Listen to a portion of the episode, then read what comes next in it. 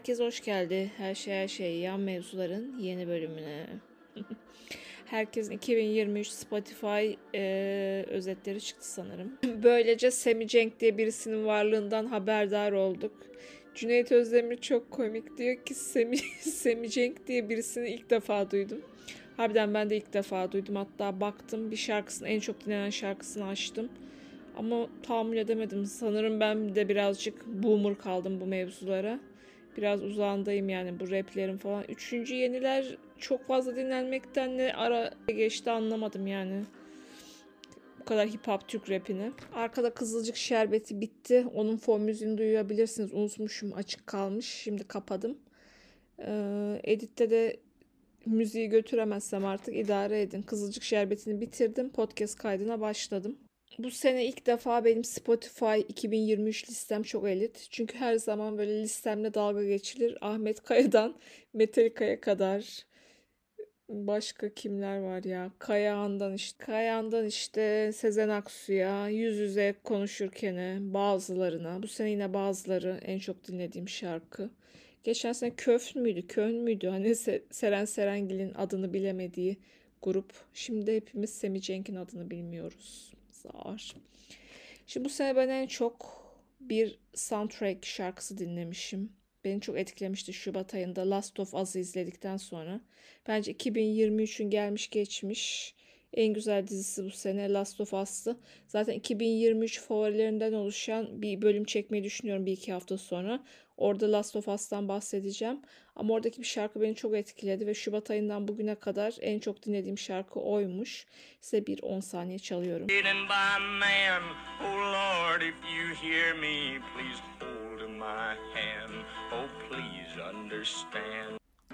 Şarkı Hank Williams'ın Alone and For Second şarkısı.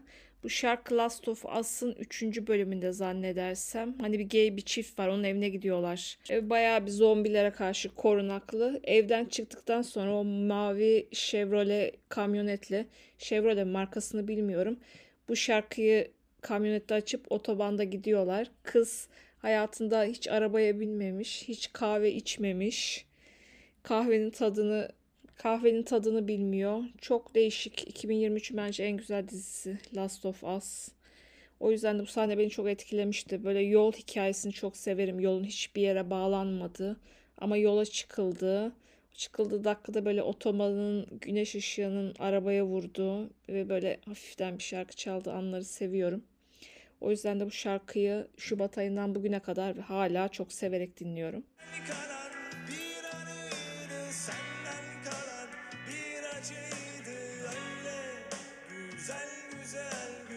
Bu da en çok dinlediğim ikinci şarkı. Bu sene eski eniştelerinizden birisi evlendi.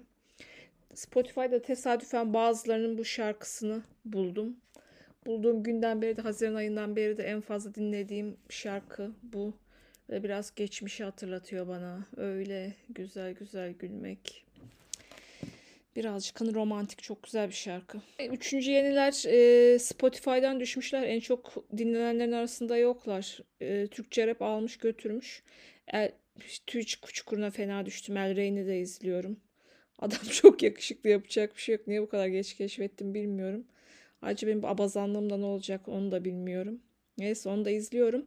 Onlar da e, Discord'daki kendi moderatörleriyle en çok e, Spotify'da dinledikleri 2023 şarkılarını paylaştılar. Orada da genç çocukların hepsinin birinci sırasında bu Semi Cenk var. Herhalde bir tek biz bilmiyoruz bunu. Geçen hafta biliyorsunuz Twitch'ten çok konuştum. Kendine müzisyen, Çağrı, işte Hype, Ferit, BBL arasındaki e, ne diyelim dramadan. Bu dramayı herkes herkes herkes konuştu Twitch'te bir sürü yayın YouTube'da devam bunları izlediğim için algoritmamdan bana düştüğü için izledim. Jahreyn konuştu. İşte başka daha küçük ufak tefek başka Twitch'te yayın yapanlar konuştu, değerlendirdiler bu mevzuları. Ama benim anladığım Twitch'te büyük bir para dönüyor. Bu pastayı da herkes bölüşmek istiyor. Bir dramada patladığı zaman herkes herkesin arkasından konuşuyor. Ama herkesin Jahreyn bile herkesin bir olduğu bir nokta var. Çağrı'nın çok iyi bir yayıncı olduğu.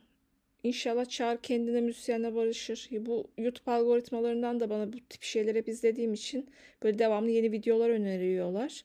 Ee, Enes Batur'la kendine müzisyenin bu yalan makineli bir e, videoları var Twitch yayına çıktıkları. Orada bile yani kendine müzisyen hep işte çağrıda şöyledir, çağrıda böyledir. Bütün ağzında iki kelimeden bir çağrı olmuş. Hep çağrı o kadar izlenmemesine rağmen yani 100 bin kişi izliyor herhalde. 90 bin kişi falan o yayını Twitch'te. Orada bile hep çağrının adını söylemiş. Yani işte neyse bu Twitch mevzusunu kapatıyorum. Bir de Twitch'te şöyle bir durum var. P Queen de herhalde bildiğim kadarıyla yayın yapmıyor. Çok erkek egemen bir yer olmuş yani. Hiçbir bir numaralı kadın şey Twitch'i yok ya. Twitch işi de birazcık zor biliyorsunuz ben buna merak sardım. Ama solo yapılacak bir şey değil. Moderatörlere ihtiyacınız var. Chat'i kontrol edecek birisine ihtiyacınız var. Discord yani büyük bir kanal olursanız tabii ki Discord'da da moderatörlere ihtiyacınız var. Bir ekip olması gerekiyor. Instagram'a full fotoğraflar düşmüş. Umut Evirgen'le Alina Boz evlenmişler. Bir şovla herkes tabii ki yine düğüne gelmiş. Ee, Kıvanç Tatlıtuğ'la karısı derin yırtmaçlı dekolte elbisesiyle. Uf, ay aşırı sıkıcılar yani hiçbirini hakkında konuşmak istemiyorum. Hiç zerre kadar ilgimi çekmiyor. Geçen hafta da aynı şovla Ediz'in doğum günü vardı. Onu da hiç konuşmak istemiyorum. Kenan İmirzalıoğlu iyi dediğimiz zaten iki gün yaşamıyor. Sinem Kobal'ı konuşmuştuk geçen bölümde. Bu hafta, geçen haftanın işte bölüm yayınlandıktan sonra da Kenan İmirzalıoğlu'nun sinema aldattığına dair haberler çıktı. Göya işte bunları yalanlıyorlar. On, onlar da aşırı sıkıcı. Bu fon haberlerini ne ikinci plana düşürmek için böyle bir yalan ortaya atmışlar. Niye ki? Fatih Terim de Umut Evirgen'in e, düğününde aşırı mutlu. Böyle sırtan bir fotoğrafı düşmüş basına. Fatih Terim bu fon mevzusunda elini yıkadı, çekildi. O yüzden artık Fatih Terim fonu demeye de bir gerek yok. Seçil Bank diyorum ben artık bu mevzuya. Biraz bu mevzuyu da konuşalım istiyorum bu haftada. Ben bu mevzuya başka bir açıdan bakmak istiyorum. Hani böyle çalıştığımız firmalarda bazı böyle insan tipleri olur. İşte patron bizi sömürüyor. Biz bu işi yapsak aslında daha fazla para kazanırız diye ayrılıp kendisi firma kuranlar. Bunların da yarısından çoğu başarısız olurlar, batarlar. Birkaçı başarılı olabilir, akıllı olanlardan. Ya da işte çalıştığı firmadan bir şekilde diğer e, bağlantılı olan firmalardan komisyon olarak iş vermeye çalışan tipler falan. Ama bu Seçil Hanım'ın yaptığı resmen bir akıl tutulması. Kadın kendi kendine bir yatırım şirketi olmaya kalkmış. E tabii ki sonunda da olamamış. Ablacığım yani sen banka olabilir misin? Neyine güvendin de bu kadar parayı bu insanlardan topladın? Daha sonra bu fonu yöneteceğine nasıl ikna oldun? Bu kadının mesela eğitim hayatına baktığınız zaman da çok başarılı bir eğitim hayatı yok. Şimdi Tefas'ta işlem gören fonlar var. Burada özel fonlar da var. Herkese halka açık olan fonlar da var. Bu fonların e, künyeleri var. Fon yöneticilerinin eğitim durumları, mail adresleri, telefon numaraları hepsi GAP'ta. E, bütün yatırımcılar açık. Yatırımcılara değil herkese açık. Yani burada bu fon yöneticisi olan insanların eğitimi bu Seçili Hanım'ın eğitiminin çok daha üzerinde ve deneyimlerinin de çok fazla üzerinde bu kadının deneyimi sadece nasıl diyeyim bankadaki opsiyonel operasyonel opsiyonel diyorum yani operasyonel işlerle alakalı başarılı. Bir dolandıran dolandırılan restorancı adam var mesela. O diyor ki ben ona bir şey demeden o benim ne diyeceğimi anlıyor. Ona göre cevap veriyordu bana diyor. Bu operasyonel işlerde bu kadın çok yetenekli tabii ki. O yüzden de zaten işte en gözde şubelerin müdürü olmuş Fulya'nın. Sonra da Levent şubesinin müdürü olmuş. Ama sen hangi akıl tutulmasını, hangi düşünceyle bir banka, bir fon kurabileceğini düşündün, bu paraları elden aldın ve tekrar hani bir yatırımla değerlendirebileceğini düşündün. Ben bu kadının bu işte yalnız olduğunu düşünmüyorum. Sonuçta 40 milyon dolar gibi para buhar olmuş durumda şu an. Bu para nerede? Kim aldı? Semih Kaya da Nevşin'in programına çıktı. Mesela Semih Kaya'yı da kim dinlese ona inanıyorsun. Semih Kaya da yalan söylediğini düşünmüyorum. Avukatı da çok iyi bir ceza avukatı ve ticaret avukatı. Çok iyi bir avukat tutmuş zaten kendine. Nevşin'in programında adam tek tek anlattı olayların nasıl olduğunu. Ee, nasıl o işte o çantaya çip konulduğunu. Çipi koyan işte bu restorancı adam anladığım kadarıyla. Sonra adama rica etmiş Seçil Hanım işte benim daha önceden başka çantalarım çalındığı için ben çantalarıma hep çip koyarım da çantayı bankada unutmuşum da o bankada size parayı o çantayla vermiş de bla bla da bir sürü Detayda adama yalan, dünyanın yalanını da Semih Kaya söyletmiş. Pes yani. Tüm paraları bankanın içinde almış. Bankada e, sahte dekont düzenlemişler. Denizbank'ın kaşelerini basmışlar. Diğer yardımcı müdürlere Denizbank kaşesini bastırmış, imzalarını attırmış. Yani inanılmaz bir olay. Neresinden baksan bir yerinden dökülüyor. Bir ba- basına yansıyan insanlara da davadaki kişiler de öyle değiller. Mesela Semih Kaya kadını dövdü, tartakladı, parasını aldı gibi şey yansıtılıyordu. Aslında böyle olmadığı çıktılar Nevşin'in programına tek tek avukatıyla beraber adam anlattı. Sana %80'i zaten bu parayı Denizbank'taki hesaplarından çekmişler. Mesela atıyorum 1 milyon dolar. 1 milyon doları orada çekmişler, çantayla almışlar. Seçil Hanım'a bankada teslim etmişler. E şimdi bankadan zaten bir yüksek meblağda 50 bin lira 100 bin lira bile çeksen banka sana haber veriyor. Niçin çekeceksiniz diyor. Önceden haber veriyorsun ki bankada şubede o para olsun. Yani bu kadar yüksek bir mevlanın çekilmesi genel müdürlüğün hiç mi dikkatini çekmedi? Oraları da bir şaibe. Hiç mi demediler yani bilinen bir isim çok yüksek mevlada bir parayı çekiyor. Sonra bazılarına zaten kazandınız diye kar payı ödemiş. O kar paylarıyla beraber tekrar bankaya parayı yatırmışlar. Sonra bu Semih Kaya mesela o parayı çekip tekrar ha banka vasıtasıyla araba almış. Hiç mi bankanın genel müdürlüğü, Denizbank'ın genel müdürlüğü uyanmadı? Bu paralar niye çekiliyor, niye teslim ediliyor? Ya da buradaki e, kamera kayıtları, güvenlik sistemi hiç mi incelenmiyor? Burada bir normal olmayan paralar çekiliyor bu şubeden. Hiçbir incelemeye alınmamış mı? Hiçbir teftiş olmamış mı bankada? Bankanın da bilmiyorum yani bir tuhaflık var bu işlerin hepsinde. Ve herkes bütün alacağını Denizbank'tan almak üzerine hareket ediyor. Çünkü işte işletmeler çalıştırdığı insanların yaptığı hataların mesuliyetine de sahiptir gibi bir kanundaki hareket ediyorlar ve Denizbank'a ödetmeye çalışıyorlar. Burada banka yönetiminin ben bunlardan haberdar olmadığını asla düşünmüyorum. Bu kadar büyük para giriş çıkışları ol, oluyor bu şubede.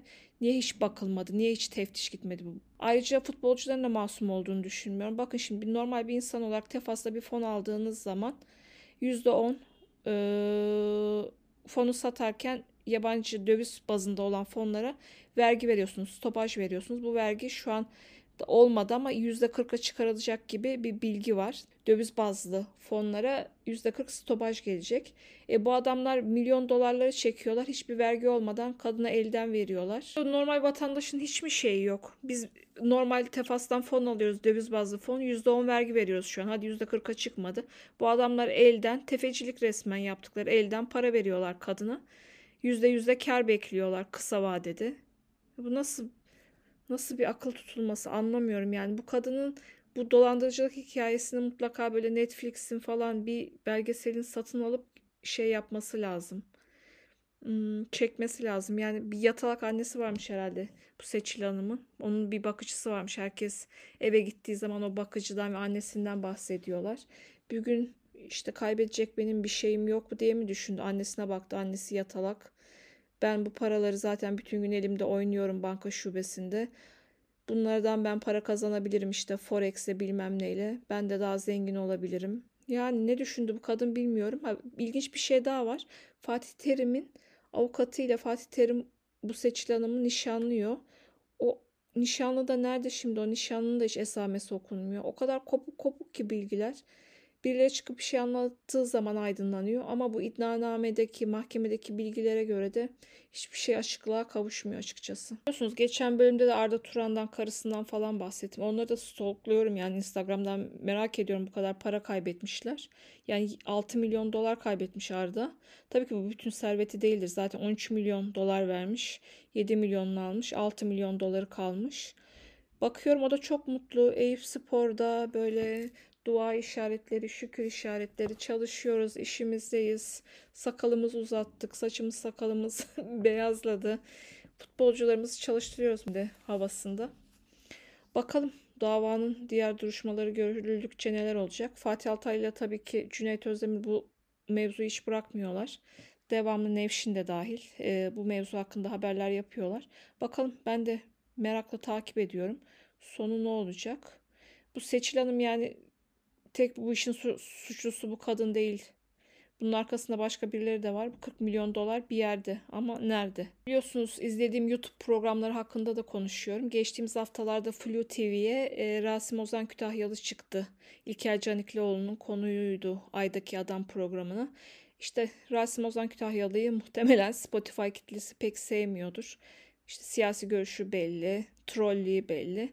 Ama bir yakın tarih Türkiye siyasi tarihini güzel bir şekilde o programda katılırsınız, katılmazsınız tabii ki. Ama güzel bir şekilde bir buçuk saatlik falan bayağı da uzun bir program anlatmışlar.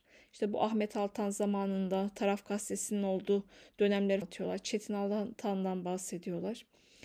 Şimdi ben onu izlerken de Çetin Altan'ı düşündüm birazcık. Çetin Altan Allah rahmet eylesin.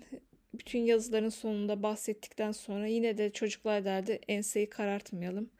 Enseyi karartmayalım bu ülkeden, her şeyden umutluyuz. Asla umudumuzu kaybetmeyeceğiz. Ben de umudumu kaybetmiyorum, enseyi karartmıyorum. Spotify'da seneye en çok dinlenen programların içine gireceğim. İnşallah. Beni takip etmeyi, beğenmeyi unutmayın. Instagram'dan beni takip edebilirsiniz. Her şey her şey nokta podcast Instagram hesabım. Spotify'dan takip alabilirsiniz. Giderek peyderpey büyüyoruz. Baya yeni bir izleyici kitlem geliyor her gün. İzleyici sayım artıyor. Teşekkür ediyorum hepinize. Bu hafta da bu kadardı konuşacağımız mevzular. Haftaya görüşmek üzere. Hoşça kalın. Durun durun gitmeyin. Unuttum konuşacağım mevzuyu. Kızılcık Şerbeti'ni izledim. Tabii Kızılcık Şerbeti'nin bir küçük kritiğini de yapmak istiyorum sizinle beraber.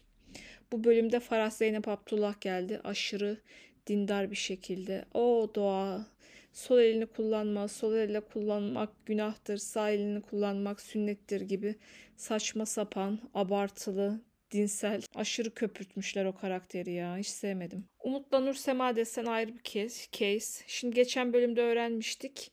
Ee, Umut holdingde çalıştığı zamanlarda yani holdingde çalışmadı da gitti geldi neticede bir maaş alması gerekiyor. O maaşı Umut'a ödememişler. Artı çocuğu bardan çıkardılar. Barda şarkı söyleme diye. Oradan para gelmiyor. Bu bölüm öğreniyoruz ki Alev ona sadece 15 bin lira maaş veriyormuş. E, deniz manzaralı evde oturuyor bu. Gayet lüks bir apartman. Bunların oturdukları apartman. Buraya kaç para Sönmez Hanım'a kira veriyor. Sönmez Hanım'a da aylardır kira vermiyormuş. Saçma sapan bir şeye getirdiler. Ee, Nur Sema bu kadar hat sattı. Bu hatları 300 liradan mı sattı Allah aşkına? Adam bir sürü hat aldı. E, 5000 liradan falan almıştır herhalde bu hatları. El yapımı. Nur Sema bir ay falan da emlakçının orada sekreterlik yaptı. Herhalde bir asgari ücret falan bir para almıştır. O para da yok. İki kişi ne kadar yemek yiyebilir ki bir ayda yani. Saçma sapan bunları ekonomik darboğazın içine soktular. Dizinin reklamları desen ayrı bir olay. Bu bölümde de Metehan eve geliyor. Elinde bir torba cips. Çerezza. Boş ver söyleyelim. Zaten biz sponsorlu falan bir şeyimiz yok seküler Türkiye'ye bir darbe elinde torbayla tüm kralıyla cipsleri getiriyor evin salonun ortasına koyuyor. Alevde bir kase getiriyor böyle cipsleri kasenin içine döküyor. Hani siz sekülerdiniz ya ne oldu? cipsler cipsler hepiniz ya saçmalık yani nereden baksanız. Tamam kesinlikle gidiyorum bu sefer. Kızılcık şerbeti yorumum da bu kadar. Haftaya görüşmek üzere.